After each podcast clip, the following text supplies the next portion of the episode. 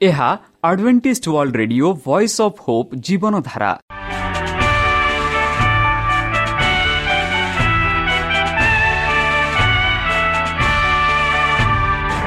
Odia radio କାର୍ଯ୍ୟକ୍ରମ ଯାହା ଆମର ଆନ୍ତର୍ଜାତୀୟ ଆଘାତ କେନ୍ଦ୍ରରୁ ପ୍ରସାରଣ କରାଯାଉଛି ପ୍ରତିଦିନ ରାତି ନଅଟା ତିରିଶ ମିନିଟ୍ରେ। ମୁଁ ସୁବ୍ରତ କୁମାର ପତି ପ୍ରେମର ସହ ଆପଣମାନଙ୍କୁ ଏହି କାର୍ଯ୍ୟକ୍ରମକୁ ସ୍ୱାଗତ କରୁଅଛି। ଚାଲନ୍ତୁ ଆଜିର ତିରିଶ ମିନିଟ୍ର କାର୍ଯ୍ୟକ୍ରମ ବିଷୟରେ ଜାଣିନେବା। ପ୍ରଥମେ ରଖିଛୁ ଆଧ୍ୟାତ୍ମିକ ଭକ୍ତିମୟ ଗୀତ। ଏହାପରେ ଶୁଣିବା ସ୍ୱାସ୍ଥ୍ୟ ବିଷୟରେ ଯାହା ଆମର ଦୈନିକ ଜୀବନରେ ଅତ୍ୟନ୍ତ ଜରୁରୀ। ଆଉ ପରିଶେଷରେ ଶୁଣିବା ପରମେଶ୍ୱରଙ୍କ ଭକ୍ତଙ୍କଠାରୁ ଜୀବନଦାୟକ ଈଶ୍ୱରଙ୍କ ବାକ୍ୟ। ପ୍ରିୟ ଶ୍ରୋତା ତାହେଲେ ଚାଲନ୍ତୁ ଶୁଣିବା ଏକ ଆଧ୍ୟାତ୍ମିକ ଭକ୍ତିମୟ ଗୀତ।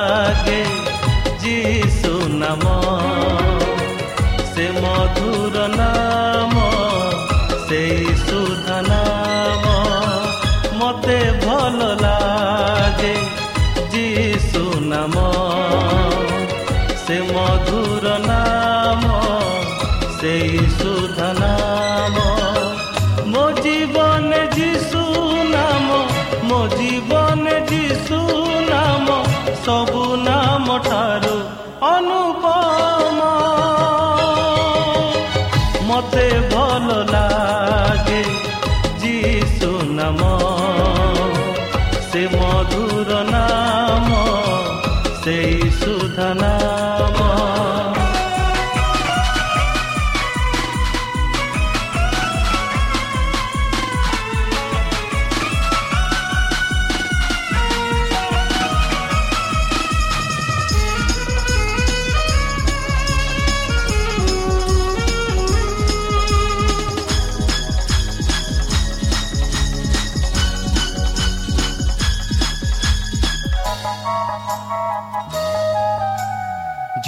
ଜୀବନ ଚାଳକ ଶାନ୍ତିଦାୟକ ଦୁଃଖ ବିନାଶକ ସୁଖ ପ୍ରଦାୟକ ଜୀବନ ଚାଳକ ଶାନ୍ତିଦାୟକ ଦୁଃଖ ବିନାଶକ ସୁଖ ପ୍ରଦାୟକ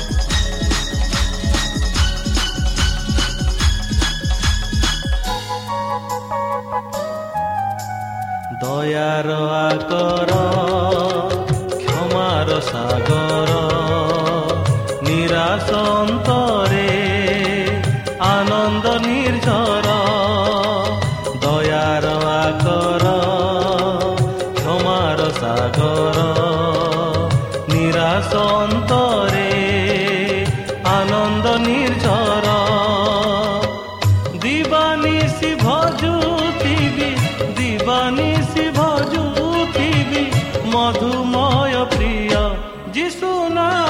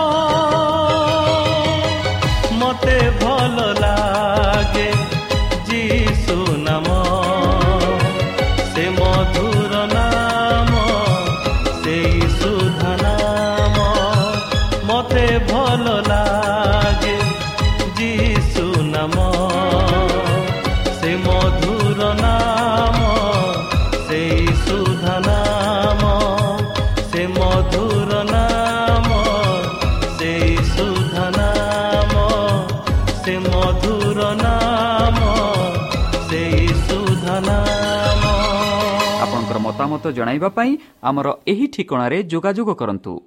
ଆମ ଠିକଣା Adventist Media Center SDA mission compound Salisbury Park Pune ଚାରି ଏକ ଏକ ଶୂନ ତିନି ସାତ ମହାରାଷ୍ଟ୍ର। ବା ଖୋଲନ୍ତୁ ଆମର ୱେବସାଇଟ୍ ଯେକୌଣସି Android phone smartphone desktop laptop କିମ୍ବା ଟ୍ୟାବ୍ଲେଟ୍। ଆମର website W W W dot A W R dot O R G slash O R I ଏବଂ W W W dot Adventist Media Center India dot O R G ବର୍ତ୍ତମାନ ଚାଲନ୍ତୁ ଶୁଣିବା ଈଶ୍ୱରଙ୍କ ଭକ୍ତଙ୍କଠାରୁ ଈଶ୍ୱରଙ୍କ ଜୀବନଦାୟକ ବାକ୍ୟ ଜୀବନର ଆଲୋକ। ନମସ୍କାର ପ୍ରିୟ ଶ୍ରୋତା। ସେହି ସର୍ବଶକ୍ତି ସର୍ବଜ୍ଞାନୀ ପ୍ରେମର ସାଗର ଦୟାମୟ ଅନ୍ତର୍ଜମୀ ଅନୁଗ୍ରହ। ପରମ ପିତାଙ୍କ ମଧୁର ନାମରେ ମୁଁ ପାଷ୍ଟ ପୂର୍ଣ୍ଣଚନ୍ଦ୍ର ଆଉ ଥରେ ଆପଣମାନଙ୍କୁ ଏହି କାର୍ଯ୍ୟକ୍ରମରେ ସ୍ୱାଗତ କରୁଅଛି। ସେହି ସର୍ବଶକ୍ତି ପରମେଶ୍ୱର ଆପଣମାନଙ୍କୁ ଆଶୀର୍ବାଦ କରନ୍ତୁ। ଆପଣଙ୍କୁ ସମସ୍ତ ପ୍ରକାର ଦୁଃଖ କଷ୍ଟ ବାଧା କ୍ଲେଶରୁ ଦୂରେଇ ରଖୁ। ବିଶେଷ ଭାବରେ ବର୍ତ୍ତମାନ ଯେଉଁ କରୋନା ମହାମାରୀ ସାରା ପୃଥିବୀକୁ ଆପଣା ପ୍ରଭାବ ଦେଖାଉଅଛି ସେହି ପ୍ରଭାବରୁ ସେହି ପରମେଶ୍ୱର ଆପଣମାନଙ୍କୁ ସୁରକ୍ଷାରେ ରଖନ୍ତୁ। ତାହାଙ୍କ ପ୍ରେମ ତାହାଙ୍କ ସ୍ନେହ ତାହାଙ୍କ କୃପା ସଦାସର୍ବଦା ଆପଣଙ୍କଠାରେ ସହବର୍ତ୍ତୀ ରହୁ। ପ୍ରିୟ ଶ୍ରୋତା ଚାଲନ୍ତୁ। ଆଜି ଆମ୍ଭେମାନେ କିଛି ସମୟ ପବିତ୍ର ଶାସ୍ତ୍ର ବାଇବଲଠୁ ତାହାଙ୍କ ଜୀବନଦାୟକ ବାକ୍ୟ ଧ୍ୟାନ କରିବା। ଆଜିର ଆଲୋଚନା ହେଉଛି ଜୀବନର ଆଲୋକ। ବନ୍ଧୁ ଯେପରି ଯୀଶୁ ପୁନର୍ବାର କହିଲେ ମୁଁ ଜଗତର ଆଲୋକ ଅଟେ। ଯିଏ ମୋତେ ଅନୁସରଣ କରେ ସେ ଅନ୍ଧକାରରେ ଗମନ କରିବ ନାହିଁ। ମାତ୍ର ଜୀବନର ଆଲୋକ ପାଇବ ଆଉ ଜୀବନର ଆଲୋକରେ ସେ ଯାତ୍ରା କରିବ। ଯେତେବେଳେ ସେ ଏହିସବୁ କଥା କହିଲେ ବନ୍ଧୁ ଯୀଶୁ ମନ୍ଦିରର ପ୍ରାଙ୍ଗଣରେ ବିଶେଷ ଭାବରେ ତମ୍ବୁ ପର୍ବଗୁଡ଼ିକର ସେବା ସଜିତ ଜଡ଼ିତ ଥିଲା। ଏହି ଆଦାଲତର ମଧ୍ୟ ଭାଗରେ ଦୁଇଟି ଉଚ୍ଚ ମାନଦଣ୍ଡ ବୃଦ୍ଧି ପାଇଲା ଯାହା ବଡ଼ ଆକାରର ଦ୍ୱୀପ ଷ୍ଟାଣ୍ଡକୁ ସମର୍ଥନ କରେ। ସନ୍ଧ୍ୟା ବଳିଦାନର ପରେ ସମସ୍ତ ଦ୍ୱୀପ ଜଳୁଥିଲା ଜେରୁସାଲାମ ଉପରେ ଆଲୋକିତ କଲା। ଏହି ସମୂହର ଆଲୋକ ସମ୍ଭବ ତ୍ରୁଟି ଉଦ୍ଦେଶ୍ୟରେ ଥିବା ଯାହା ମରୁଭୂମିରେ ଇସ୍ରାଏଲକୁ ମାର୍ଗଦର୍ଶନ କରିଥିଲା ଏବଂ ଏହା ଖ୍ରୀଷ୍ଟଙ୍କ ଆଗମନକୁ ସୂଚିତ କରାଯାଉଥିଲା ସନ୍ଧ୍ୟାରେ ଯେତେବେଳେ ଦ୍ୱୀପ ଜଳାଉଥିଲା କୋଟ ବହୁତ ଖୁସିର ଦୃଶ୍ୟ ଥିଲା। ସୁଧର ବାଲିଆ ପୁରୁଷ ମନ୍ଦିରର ପୁରୋହିତ ଏବଂ ଲୋକମାନଙ୍କ ଶାସକମାନେ ଉତ୍ସବର ନେତୃତ୍ୱରେ ବାଦ୍ୟଯନ୍ତ୍ରର ବାଦ୍ୟ ଓ ଲେବ୍ୟମାନଙ୍କ ଜ୍ୟୋତିରେ ଏକତ୍ରିତ ହୋଇଥିଲେ। ଜେରୁସାଲମର ଆଲୋକରେ ଲୋକମାନେ ଇସ୍ରାଏଲ ଉପରେ ତାଙ୍କ ଆଲୋକ ପ୍ରଦାନ କରିବାକୁ କୃଷ୍ଣଙ୍କ ଆଗମନକୁ ଆଶା କରିଥିଲେ। କିନ୍ତୁ ଯୀଶୁଙ୍କ ପାଇଁ ଏହି ଦୃଶ୍ୟର ଏକ ବ୍ୟାଥପ୍ୟ ଅର୍ଥ ଥିଲା ଯେହେତୁ ମନ୍ଦିରର ଉଜ୍ଜଳ ଦ୍ୱୀପଗୁଡ଼ିକ ସେମାନଙ୍କ ବିଷୟରେ ଆଲୋକିତ କଲା। ସେହିପରି ଆଧ୍ୟାତ୍ମିକ ଆଲୋକର ଉଚ୍ଚ ଖ୍ରୀଷ୍ଟ ଜଗତର ଅନ୍ଧକାରକୁ ଆଲୋକିତ କରେ। ତଥାପି ପ୍ରତୀକ ସମ୍ପୂର୍ଣ୍ଣ ଥିଲା।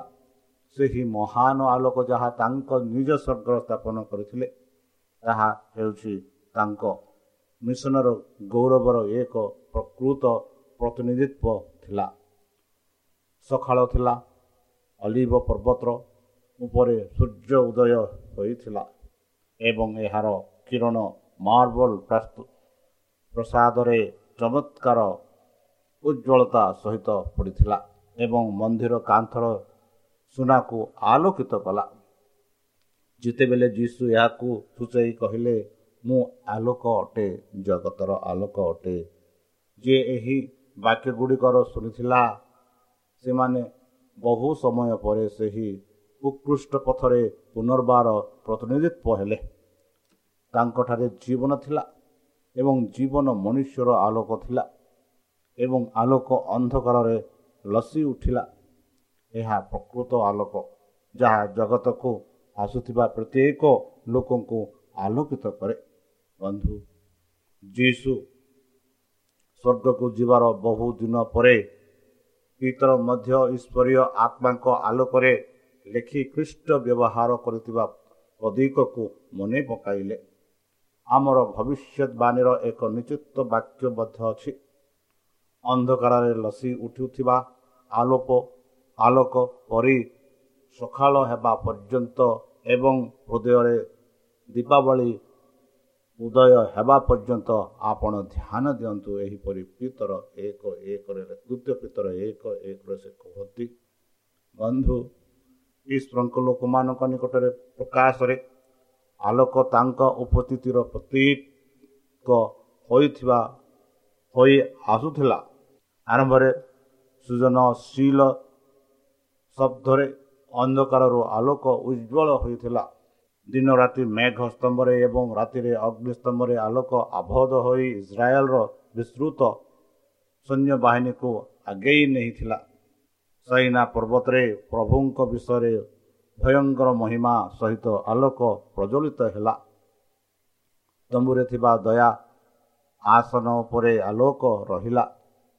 ଆଲୋକ ସୋଲମନଙ୍କ ମନ୍ଦିରକୁ ଉତ୍ସର୍ଗ କଲା। ବେଥଲେମର ପାହାଡ଼ ଉପରେ ଆଲୋକ ଆଲୋକିତ ହେଲା। ଯେତେବେଳେ ସ୍ୱର୍ଗଦୂତମାନେ ଦେଖୁଥିବା ମେଷପାଲକମାନଙ୍କୁ ମୁକ୍ତିର ବାର୍ତ୍ତା ଆଣିଲେ ପରମେଶ୍ୱର ଆଲୋକ ଏବଂ ବାକ୍ୟରେ ମୁଁ ଜଗତର ଆଲୋକ ବୋଲି କହିଲେ। ପୃଷ୍ଠ ଈଶ୍ୱରଙ୍କ ସହିତ ତାଙ୍କର ଏକତା ଏବଂ ସମଗ୍ର ମାନବ ପରିବାର ସହିତ ତାଙ୍କର ସମ୍ପର୍କ ଘୋଷଣା କରିଥିଲେ। ସେ ହିଁ ଆରମ୍ଭରେ ଅନ୍ଧକାରରୁ ଆଲୋକ ଆଲୋକିତ କରିଥିଲେ।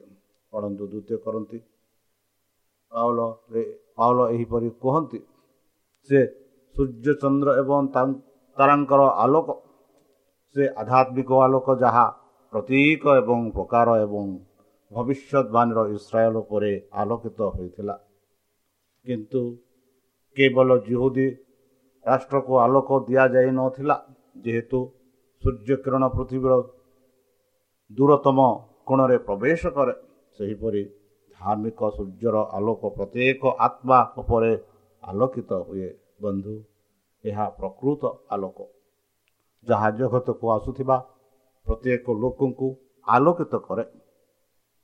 ବିଶ୍ୱର ମହାନ ଶିକ୍ଷକ ବିଶାଳ ବୁଦ୍ଧି ଏବଂ ଚମତ୍କାର ଅନୁସନ୍ଧାନକାରୀ ପୁରୁଷ ଯାହାର ଉଚ୍ଚାରଣର ଭାବନାକୁ ଉତ୍ସାହିତ କରିଛି ଏବଂ ଜ୍ଞାନର ବିସ୍ତୃତ କ୍ଷେତ୍ର ଦେଖିବା ପାଇଁ ଲେଖାଯାଇଅଛି।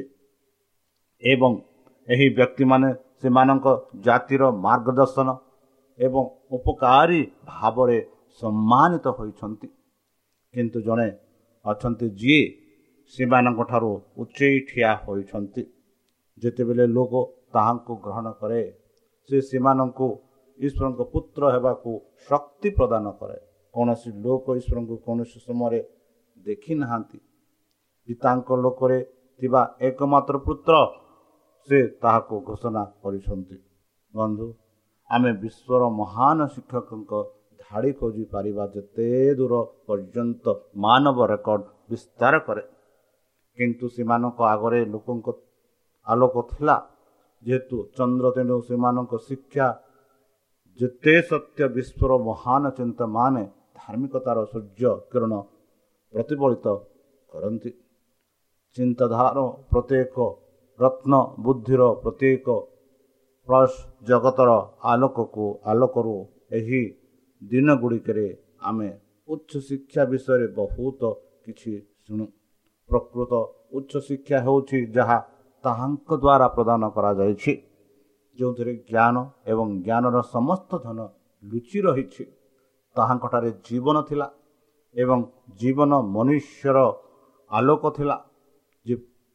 ଯୀଶୁ କହିଲେ ଯେଉଁ ଲୋକ ମୋର ଅନୁସରଣ କରେ ସେ ଅନ୍ଧକାରରେ ଚାଲିବ ନାହିଁ। ବରଂ ଜୀବନର ଆଲୋକ ପାଇବ। ବନ୍ଧୁ ଯୀଶୁ କହିଲେ ମୁଁ ଜଗତର ଆଲୋକ ମୁଁ ଜଗତର ଆଲୋକ। ଯୀଶୁ ନିଜକୁ ଖ୍ରୀଷ୍ଟ ବୋଲି ଘୋଷଣା କଲେ। ଖ୍ରୀଷ୍ଟ ବର୍ତ୍ତମାନ ଶିକ୍ଷା ଦେଉଥିବା ମନ୍ଦିରରେ ବୃଦ୍ଧି ଶିଷ୍ୟମାନେ ବା ସିମନ ତାଙ୍କ ବିଷୟରେ କହିଥିଲେ ଯେ ଅନଜୁହୁଦୀମାନଙ୍କ ହାଲୁକା କରିବା ପାଇଁ ଆଲୋକ ଏବଂ ତୁମର ଲୋକ ଇସ୍ରାଏଲର ଗୌରବ। ଏହିପରି ଲୋକ ଦୁଇ ବତିଶରେ ଆମେ ପାଉଅଛୁ। ବନ୍ଧୁ ଏହି ବାକ୍ୟରେ ସେ ତାଙ୍କ ନିକଟରେ ସମସ୍ତ ଇସ୍ରାଏଲ ପାଇଁ ଏକ ଭବିଷ୍ୟତବାଣୀ ପ୍ରୟୋଗ କରିଥିଲେ। ଭବିଷ୍ୟତ ଭକ୍ତା ଯୀଶାଙ୍କ ଦ୍ୱାରା ପବିତ୍ର ଆତ୍ମା ଘୋଷଣା କରିଥିଲେ। ଏହିପରିକି ଜାକୁବର ପରିବାରକୁ ବଞ୍ଚାଇବା ଏବଂ ଇସ୍ରାଏଲ ସଂରକ୍ଷିତ ସ୍ଥାନ ପୁନଃସ୍ଥାପନ କରିବା ପାଇଁ ତୁମେ ମୋର ସେବକ ହେବା ଅତ୍ୟନ୍ତ ହାଲୁକା କଥା। ମୁଁ ମଧ୍ୟ ତୁମକୁ ଆଲୋକ ପାଇଁ ଦେବି। ଅନ୍ୟ ଯୁହୁଦୀମାନେ ପୃଥିବୀର ଶେଷ ପର୍ଯ୍ୟନ୍ତ ତୁମେ ମୋର ପରିତ୍ରାଣ ହୋଇପାରିବ। ଏହିପରି ଯିଶା ଭବିଷ୍ୟତ ଭକ୍ତାଙ୍କ ଦ୍ୱାରା ପ୍ରଭୁ ଯୀଶୁ କହିଥିଲେ ଯିଶା ଭବିଷ୍ୟତ ବିଷୟ ଅଣଚାଳିଶ ଛଅରେ। ଏହି ଭବିଷ୍ୟତବାଣୀ ସାଧାରଣ ଖ୍ରୀଷ୍ଟଙ୍କ ବିଷୟରେ କୁହାଯାଇଥିଲା ବନ୍ଧୁ। ଏବଂ ଯେତେବେଳେ ଯୀଶୁ କହିଥିଲେ ମୁଁ ଜଗତର ଆଲୋକ ଅଟେ। ଫାରୁସି ଏବଂ ଶାସକମାନଙ୍କ ପାଇଁ ଏହି ଦାବି ଏକ ଅହଙ୍କାର ଅନୁମାନ ପରି ମନେ ହେଲା। ସେ ନିଜ ପରି ଜଣେ ବ୍ୟକ୍ତି ଏପରିକି ଛଳନା କରିବା ଉଚିତ ଯାହା ସେମାନେ ସତ୍ୟ କରିପାରିଲେ ନାହିଁ। ତାଙ୍କ କଥାରୁ ଅନଦେଖା କରି ସେମାନେ ପଚାରିଲେ ତୁମେ କିଏ? ସେମାନେ ନିଜକୁ ଖ୍ରୀଷ୍ଟ ବୋଲି ଘୋଷଣା କରିବାକୁ ବାଧ୍ୟ କଲେ। ତାଙ୍କର ରୂପ ଏବଂ ତାଙ୍କର କାର୍ଯ୍ୟ ଲୋକଙ୍କ ଆଶ ସହିତ ଏତେ ଭିନ୍ନ ଥିଲା ଯେ ଯେପରି ତାଙ୍କର ଚତୁର ଶତ୍ରୁମାନେ ବିଶ୍ୱାସ କରୁଥିଲେ। ଖ୍ରୀଷ୍ଟ ଭାବରେ ନିଜକୁ ପ୍ରତ୍ୟେକ ବା ପ୍ରତ୍ୟକ୍ଷ ଭାବରେ ଘୋଷଣା କରିବା ଦ୍ୱାରା ତାଙ୍କୁ ଜଣେ ମିଥ୍ୟାବାଦୀ ଭାବରେ ପ୍ରତ୍ୟାଖ୍ୟାନ କରାଯିବ। କିନ୍ତୁ ସେମାନଙ୍କର ପ୍ରଶ୍ନକୁ ତୁମେ କିଏ ଯୀଶୁ ଉତ୍ତର ଦେଲେ ମୁଁ ଆରମ୍ଭରୁ ଯାହା କହିଥିଲି ତାହା ମଧ୍ୟ ଅଟେ ପଢ଼ନ୍ତୁ ଜହନ ଆଠ ପଚିଶ। ବନ୍ଧୁ ଯାହା ତାଙ୍କ ବାକ୍ୟରେ ପ୍ରକାଶିତ ହୋଇଥିଲା ତାହା ମଧ୍ୟ ତାଙ୍କ ଚରିତ୍ରରେ ପ୍ରକାଶିତ ହେଲା। ସେ ଶିକ୍ଷା ଦେଇଥିବା ସତ୍ୟର ପ୍ରତୀକ ଥିଲେ। ସେ କହିଛନ୍ତି ମୁଁ ନିଜେ କିଛି କରେ ନାହିଁ କିନ୍ତୁ ମୋର ପରମ ପିତା ମୋତେ ଯେପରି ଶିକ୍ଷା ଦେଇଛନ୍ତି ମୁଁ ଏସବୁ କଥା କହୁଛି। ଯିଏ ମୋତେ ପଠାଇଛନ୍ତି ସେ ମୋ ସହିତ ଅଛନ୍ତି। ପରମ ପିତା ମୋତେ ଏଗୁଡ଼ି ଏକୁଟିଆ ଛାଡ଼ି ନାହାନ୍ତି କାରଣ ମୁଁ ସର୍ବଦା ତାହାଙ୍କୁ ସନ୍ତୁଷ୍ଟ କରୁଥିବା କାର୍ଯ୍ୟ କରେ। ସେ ତାଙ୍କର ମିଶନ ଦାବିକୁ ପ୍ରମାଣ କରିବାକୁ ଚେଷ୍ଟା କଲେ ନାହିଁ କିନ୍ତୁ ଈଶ୍ୱରଙ୍କ ସହିତ ତାଙ୍କର ଏକତା ଦେଖାଇଲେ। ଯଦି ସେମାନଙ୍କ ମନ ଈଶ୍ୱରଙ୍କ ପ୍ରେମ ପାଇଁ ଖୋଲା ହୋଇଥାନ୍ତା ସେମାନେ ଯୀଶୁଙ୍କୁ ଗ୍ରହଣ କରିଥାନ୍ତେ। ବନ୍ଧୁ ତାଙ୍କ ଶ୍ରୋତାମାନଙ୍କ ମଧ୍ୟରେ ଅନେକ ବିଶ୍ୱାସ ତାଙ୍କ ନିକଟକୁ ଆକର୍ଷିତ ହେଲେ ଏବଂ ସେ ସେମାନଙ୍କୁ କହିଲେ ଯଦି ତୁମେ ମୋର ବାକ୍ୟରେ ଅବ୍ୟାହତ ରୁହ ତେବେ ତୁମେମାନେ ପ୍ରକୃତରେ ମୋର ଶିଷ୍ୟ। ତୁମେମାନେ ସତ୍ୟ ଜାଣିବ ଏବଂ ସତ୍ୟ ତୁମମାନଙ୍କୁ ମୁକ୍ତି କରିବ ଏହିପରି ଯୀଶୁ କହିଥିଲେ। ଏହି ବାକ୍ୟ ଫରିସୀମାନଙ୍କୁ ବିରକ୍ତ କଲା।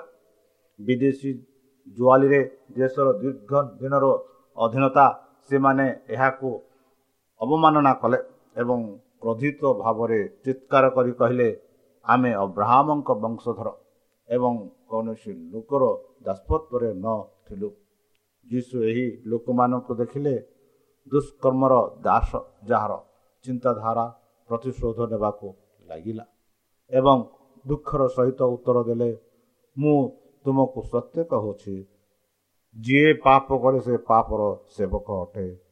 ମନ୍ଦ ଆତ୍ମା ଦ୍ୱାରା ସେମାନେ ଆଧ୍ୟାତ୍ମିକ ଦାସତ୍ୱରେ ଥିଲେ ବନ୍ଧୁ। ପ୍ରତ୍ୟେକ ଆତ୍ମା ଯିଏ ନିଜକୁ ଈଶ୍ୱରଙ୍କ ଦେବାକୁ ମନ କରନ୍ତି ସେ ଅନ୍ୟ ଏକ ଶକ୍ତି ଅଧୀନରେ କେବେ ହେଲେ ରୁହନ୍ତି ନାହିଁ। ସେ ତାଙ୍କର ନୁହନ୍ତି ସେ ସ୍ୱାଧୀନତା ବିଷୟରେ କହିପାରନ୍ତି କିନ୍ତୁ ସେ ଅଧ୍ୟତିକ ଘୃଣ୍ୟ ଦାସତ୍ୱରେ ଅଛନ୍ତି। ତାଙ୍କୁ ସତ୍ୟର ସୌନ୍ଦର୍ଯ୍ୟ ଦେଖିବାକୁ ଅନୁମତି ଦିଆଯାଇନଥାଏ କାରଣ ତାଙ୍କ ମନ ଶୈତାନର ଅଧୀନରେ ଅଛି। ସେ ନିଜକୁ ସନ୍ତୁଷ୍ଟ କରୁଥିବା ବେଳେ ସେ ନିଜ ବିବାଚର ଆଦେଶ ପାଳନ କରୁଛନ୍ତି। ସେ ଅନ୍ଧକାରର ରାଜକୁମାରଙ୍କ ଇଚ୍ଛା ପାଳନ କରୁଛନ୍ତି। ଖ୍ରୀଷ୍ଟ ଆତ୍ମାଙ୍କ ଠାରୁ ପାପ ଦାସତ୍ୱ ଶକ୍ତିକୁ ଭାଙ୍ଗିବାକୁ ଆସିଥିଲେ। ଯଦି ପୁତ୍ର ତୁମକୁ ମୁକ୍ତ କରିବେ ତେବେ ତୁମେ ପ୍ରକୃତରେ ମୁକ୍ତ ହେବ। ଖ୍ରୀଷ୍ଟ ଯୀଶୁ ଖ୍ରୀଷ୍ଟଙ୍କଠାରେ ଜୀବନର ଆତ୍ମାର ନିୟମ ଆମକୁ ପାପ ମୃତ୍ୟୁ ନିୟମକୁ ମୁକ୍ତ କରେ ବନ୍ଧୁ। ମୁକ୍ତି କାର୍ଯ୍ୟରେ କୌଣସି ବାଧ୍ୟତା ନାହିଁ। କୌଣସି ବାହ୍ୟ ଶକ୍ତି ନିୟୋଜିତ ନୁହେଁ। ଈଶ୍ୱରଙ୍କ ଆତ୍ମାର ପ୍ରଭାବରେ ମନୁଷ୍ୟ କାହାକୁ ସେବା କରିବା ତାହା ବାଛିବା ପାଇଁ ମୁକ୍ତ କରିଥାଏ। ଯେତେବେଳେ ଆତ୍ମାକୃଷ୍ଣଙ୍କ ନିକଟରେ ଆତ୍ମା ସମର୍ପଣ କରେ ସେ ପରିବର୍ତ୍ତନରେ ସ୍ୱାଧୀନର ସର୍ବୋଚ୍ଚ ଭାବନା ଥାଏ। ପାପର ବହିଷ୍କାର ହେଉଛି ଆତ୍ମାର କାର୍ଯ୍ୟ। ସତ୍ୟ ସୈତାନର ନିୟନ୍ତ୍ରଣରୁ ନିଜକୁ ମୁକ୍ତ କରିବାକୁ ଆମର କୌଣସି ଶକ୍ତି ନାହିଁ। କିନ୍ତୁ ଯେତେବେଳେ ଆମେ ପାପରୁ ମୁକ୍ତ ହେବାକୁ ଇଚ୍ଛା କରୁ ବନ୍ଧୁ ଏବଂ ଆମର ଅଧ୍ୟତିକ ଆବଶ୍ୟକତା ଭିତରେ ଏବଂ ନିଜ ଉପରେ ଏକ ଶକ୍ତି ପାଇଁ ଚିତ୍କାର କରୁ ଆତ୍ମାଙ୍କ ଶକ୍ତି ପବିତ୍ର ଆତ୍ମାଙ୍କ ଈଶ୍ୱରୀୟ ଶକ୍ତି ଦ୍ୱାରା ପ୍ରଭାବିତ ହୁଏ ଏବଂ ସେମାନେ ଜ୍ଞାନ ପାଳନ କରନ୍ତି। ଈଶ୍ୱରଙ୍କ ଇଚ୍ଛା ପୂରଣ କରିବାରେ ଇଚ୍ଛା କରିବେ। ବନ୍ଧୁ ମନୁଷ୍ୟର ସ୍ୱାଧୀନତା ସମ୍ଭବ ଏକମାତ୍ର ସ୍ୱତ୍ତ ହେଉଛି କୃଷ୍ଣଙ୍କ ସହିତ ଏକ ହେବା। ସତ୍ୟ ଆପଣଙ୍କୁ ମୁକ୍ତ କରିବ ଏବଂ ଖ୍ରୀଷ୍ଟ ହେଉଛନ୍ତି ସତ୍ୟ। ପାପ କେବଳ ମନକୁ ଦୁର୍ବଳ କରେ ଏବଂ ଆତ୍ମାର ସ୍ୱାଧୀନତାକୁ ନଷ୍ଟ କରି ଜୟ କରିପାରିବ। ଈଶ୍ୱରଙ୍କ ଅଧୀନତା ହେଉଛି ମନୁଷ୍ୟର ପ୍ରକୃତ ଗୌରବ ଏବଂ ସମ୍ମାନର ପୁନରୁଦ୍ଧାର। ଈଶ୍ୱରୀୟ ନିୟମ ଯାହାକୁ ଆମେ ଅଧୀନକୁ ଆଣିଛୁ ତାହା ହେଉଛି ସ୍ୱାଧୀନତା ନିୟମ ପଢ଼ନ୍ତୁ ଜାକୁବ ଦୁଇ ଏକ ବନ୍ଧୁ ପାରୁସୀମାନେ ନିଜକୁ ଅବ୍ରାହ୍ମଙ୍କର ସନ୍ତାନ ବୋଲି ଘୋଷଣା କଲେ ଯୀଶୁ ସେମାନଙ୍କୁ କହିଥିଲେ ଯେ ଏହି ଦାବି କେବଳ ଅବ୍ରାହ୍ମଙ୍କ କାର୍ଯ୍ୟ ଦ୍ୱାରା ସ୍ଥାପିତ ହୋଇପାରିବ ଅବ୍ରାହ୍ମଙ୍କର ପ୍ରକୃତ ସନ୍ତାନମାନେ ଯେପରି କରିଥିଲେ ଈଶ୍ୱରଙ୍କ ଆଜ୍ଞା ପାଳନ କରିବେ ସେମାନେ ଈଶ୍ୱରଙ୍କ ଠାରୁ ଦିଆଯାଇଥିବା ସତ୍ୟ କହୁଥିବା ବ୍ୟକ୍ତିଙ୍କୁ ହତ୍ୟା କରିବାକୁ ଚେଷ୍ଟା କରିବେ ନାହିଁ କୃଷ୍ଣଙ୍କ ବିରୁଦ୍ଧରେ ଅବ୍ରାହ୍ମଙ୍କ କାର୍ଯ୍ୟ କରୁଛନ୍ତି ନାହିଁ। ଅବ୍ରାହ୍ମଙ୍କ ଠାରୁ ଏକ ବଂଶାନୁକ୍ରମିକ କୌଣସି ମୂଲ୍ୟ ନଥିଲା। ତାଙ୍କ ସହିତ ଆଧ୍ୟାତ୍ମିକ ସଂଯୋଗ ବିନା ଯାହା ସମାନ ଆତ୍ମା ଧାରଣା କରିବେ କରିବାରେ ଏକ ଏବଂ ସମାନ କାର୍ଯ୍ୟ କରିବା ଦ୍ୱାରା ପ୍ରକାଶ ପାଇବ ସେମାନେ ତାଙ୍କର ସନ୍ତାନ ନଥିଲେ। ଏଥିଯୋଗୁଁ ଏହିପରି ସେମାନେ ଉତ୍ତର ଦେଉଥିଲେ ଏହିପରି କାର୍ଯ୍ୟ କରୁଥିଲେ। ବନ୍ଧୁ ତାହେଲେ ଚାଲନ୍ତୁ। ସେହି ସଦାପ୍ରଭୁ ପରମେଶ୍ୱରଙ୍କ ସନ୍ତାନ ହେବା ପାଇଁ ଆପଣମାନେ ଇଚ୍ଛା କରୁଛନ୍ତି କି? ତାହେଲେ ଚାଲନ୍ତୁ ନିଜକୁ ସମର୍ପଣ କରି ତାହାଙ୍କ ମଧ୍ୟରେ ଆମେ ଆମେ ପ୍ରାର୍ଥନା ଉତ୍ସର୍ଗ କରିବା। ହେ ଆମ୍ଭମାନଙ୍କ ସର୍ବଶକ୍ତି ସର୍ବଜ୍ଞାନୀ ପ୍ରେମର ସାଗର ଦୟାମୟ ଆନ୍ତର୍ଜମୀ ଅନୁଗ୍ରହ ପିତା ଧନ୍ୟବାଦ ଅର୍ପଣ କରୁଛୁ ପ୍ରଭୁ ବର୍ତ୍ତମାନ ଯେଉଁ ବାକ୍ୟ ତୁମ ଭକ୍ତଙ୍କ ଦ୍ୱାରା ମାନଙ୍କୁ ଶୁଣେଇଲେ ସେହି ବାକ୍ୟ ଅନୁସାରେ ଏମାନଙ୍କୁ ଚାଲିବା ପାଇଁ ବୁଦ୍ଧିରେ ଜ୍ଞାନରେ ଶକ୍ତିରେ ପରିପୂର୍ଣ୍ଣ କର। ପବିତ୍ର ଆତ୍ମା ଦ୍ୱାରା ଆମମାନଙ୍କୁ ପରିଚାଳନା କର। ଆମ ପାପ ସବୁ ତୁମ ସେହି ବହୁମୂଲ୍ୟ ରକ୍ତରେ ପରିଷ୍କାର କରି ଧୋଇଦିଅ। ପରମ ପିତା ବର୍ତ୍ତମାନ ଯେଉଁ କରୁଣା ମହାମାରୀ ସାରା ପୃଥିବୀକୁ ଆପଣ ପ୍ରଭାବ ଦେଖାଉଅଛି ଆଉ ସେହି ପ୍ରଭାବରୁ ଆମମାନଙ୍କୁ ସୁରକ୍ଷାରେ ରଖ। ପରିଶେଷ ଯେବେ ତୁମେ ତୁମ ସେହି ସହସ୍ରଦୂତଙ୍କ ସହ ଆପଣ ସାଧୁମାନଙ୍କୁ ସଂଗ୍ରହ କରିବା ନିମନ୍ତେ ଆସିବେ ହେ ପରମେଶ୍ୱର ସେତେବେଳେ ଆମମାନଙ୍କୁ ଏକ ବାସସ୍ଥାନ ଦିଅ ବୋଲି ପ୍ରାଣକର୍ତ୍ତା ପ୍ରଭୁ ଯୀଶୁଙ୍କ ମଧୁରମୟ ନାମରେ ଏହି ଛୋଟ ଭିକ୍ଷ ମାଗୁଅଛି। ତୁମେ ଗ୍ରହଣ କର। ଆମେନ୍। ପ୍ରିୟ ଶ୍ରୋତା ଆମେ ଆଶା କରୁଛୁ ଯେ ଆମର କାର୍ଯ୍ୟକ୍ରମ ଆପଣମାନଙ୍କୁ ପସନ୍ଦ ଲାଗୁଥିବ। ଆପଣଙ୍କର ମତାମତ ଜଣାଇବା ପାଇଁ ଆମର ଏହି ଠିକଣାରେ ଯୋଗାଯୋଗ କରନ୍ତୁ। ଆମ ଠିକଣା Adventist Media Center SDA mission compound Salisbury Park Pune ଚାରି ଏକ ଏକ ଶୂନ ତିନି ସାତ ମହାରାଷ୍ଟ୍ର ବା ଖୋଲନ୍ତୁ ଆମର ୱେବସାଇଟ୍ ଯେକୌଣସି Android phone smartphone desktop laptop କିମ୍ବା ଟ୍ୟାବ୍ଲେଟ୍ ଆମର website W W W dot A W R dot O R G slash O R I ଏବଂ W W W dot Adventist Media Center India dot O R G Adventist Media Center ଇଣ୍ଡିଆର spelling ହେଉଛି A D V E V E N T I S T M E D I A C E N T R E I N D I A ଅଥବା download କରନ୍ତୁ ଆମର mobile app ଆପଣଙ୍କର mobile play ଷ୍ଟୋରକୁ ଯାଆନ୍ତୁ ଆଉ type କରନ୍ତୁ the Voice of Hope ଆଉ download କରନ୍ତୁ ଈଶ୍ୱର ଆପଣଙ୍କୁ ଆଶୀର୍ବାଦ କରନ୍ତୁ ଧନ୍ୟବାଦ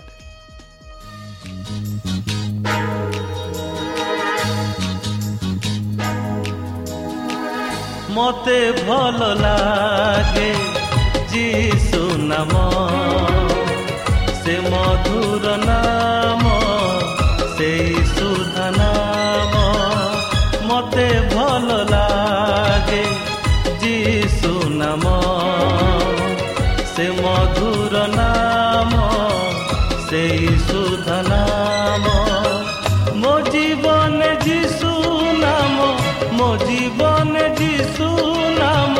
ସବୁ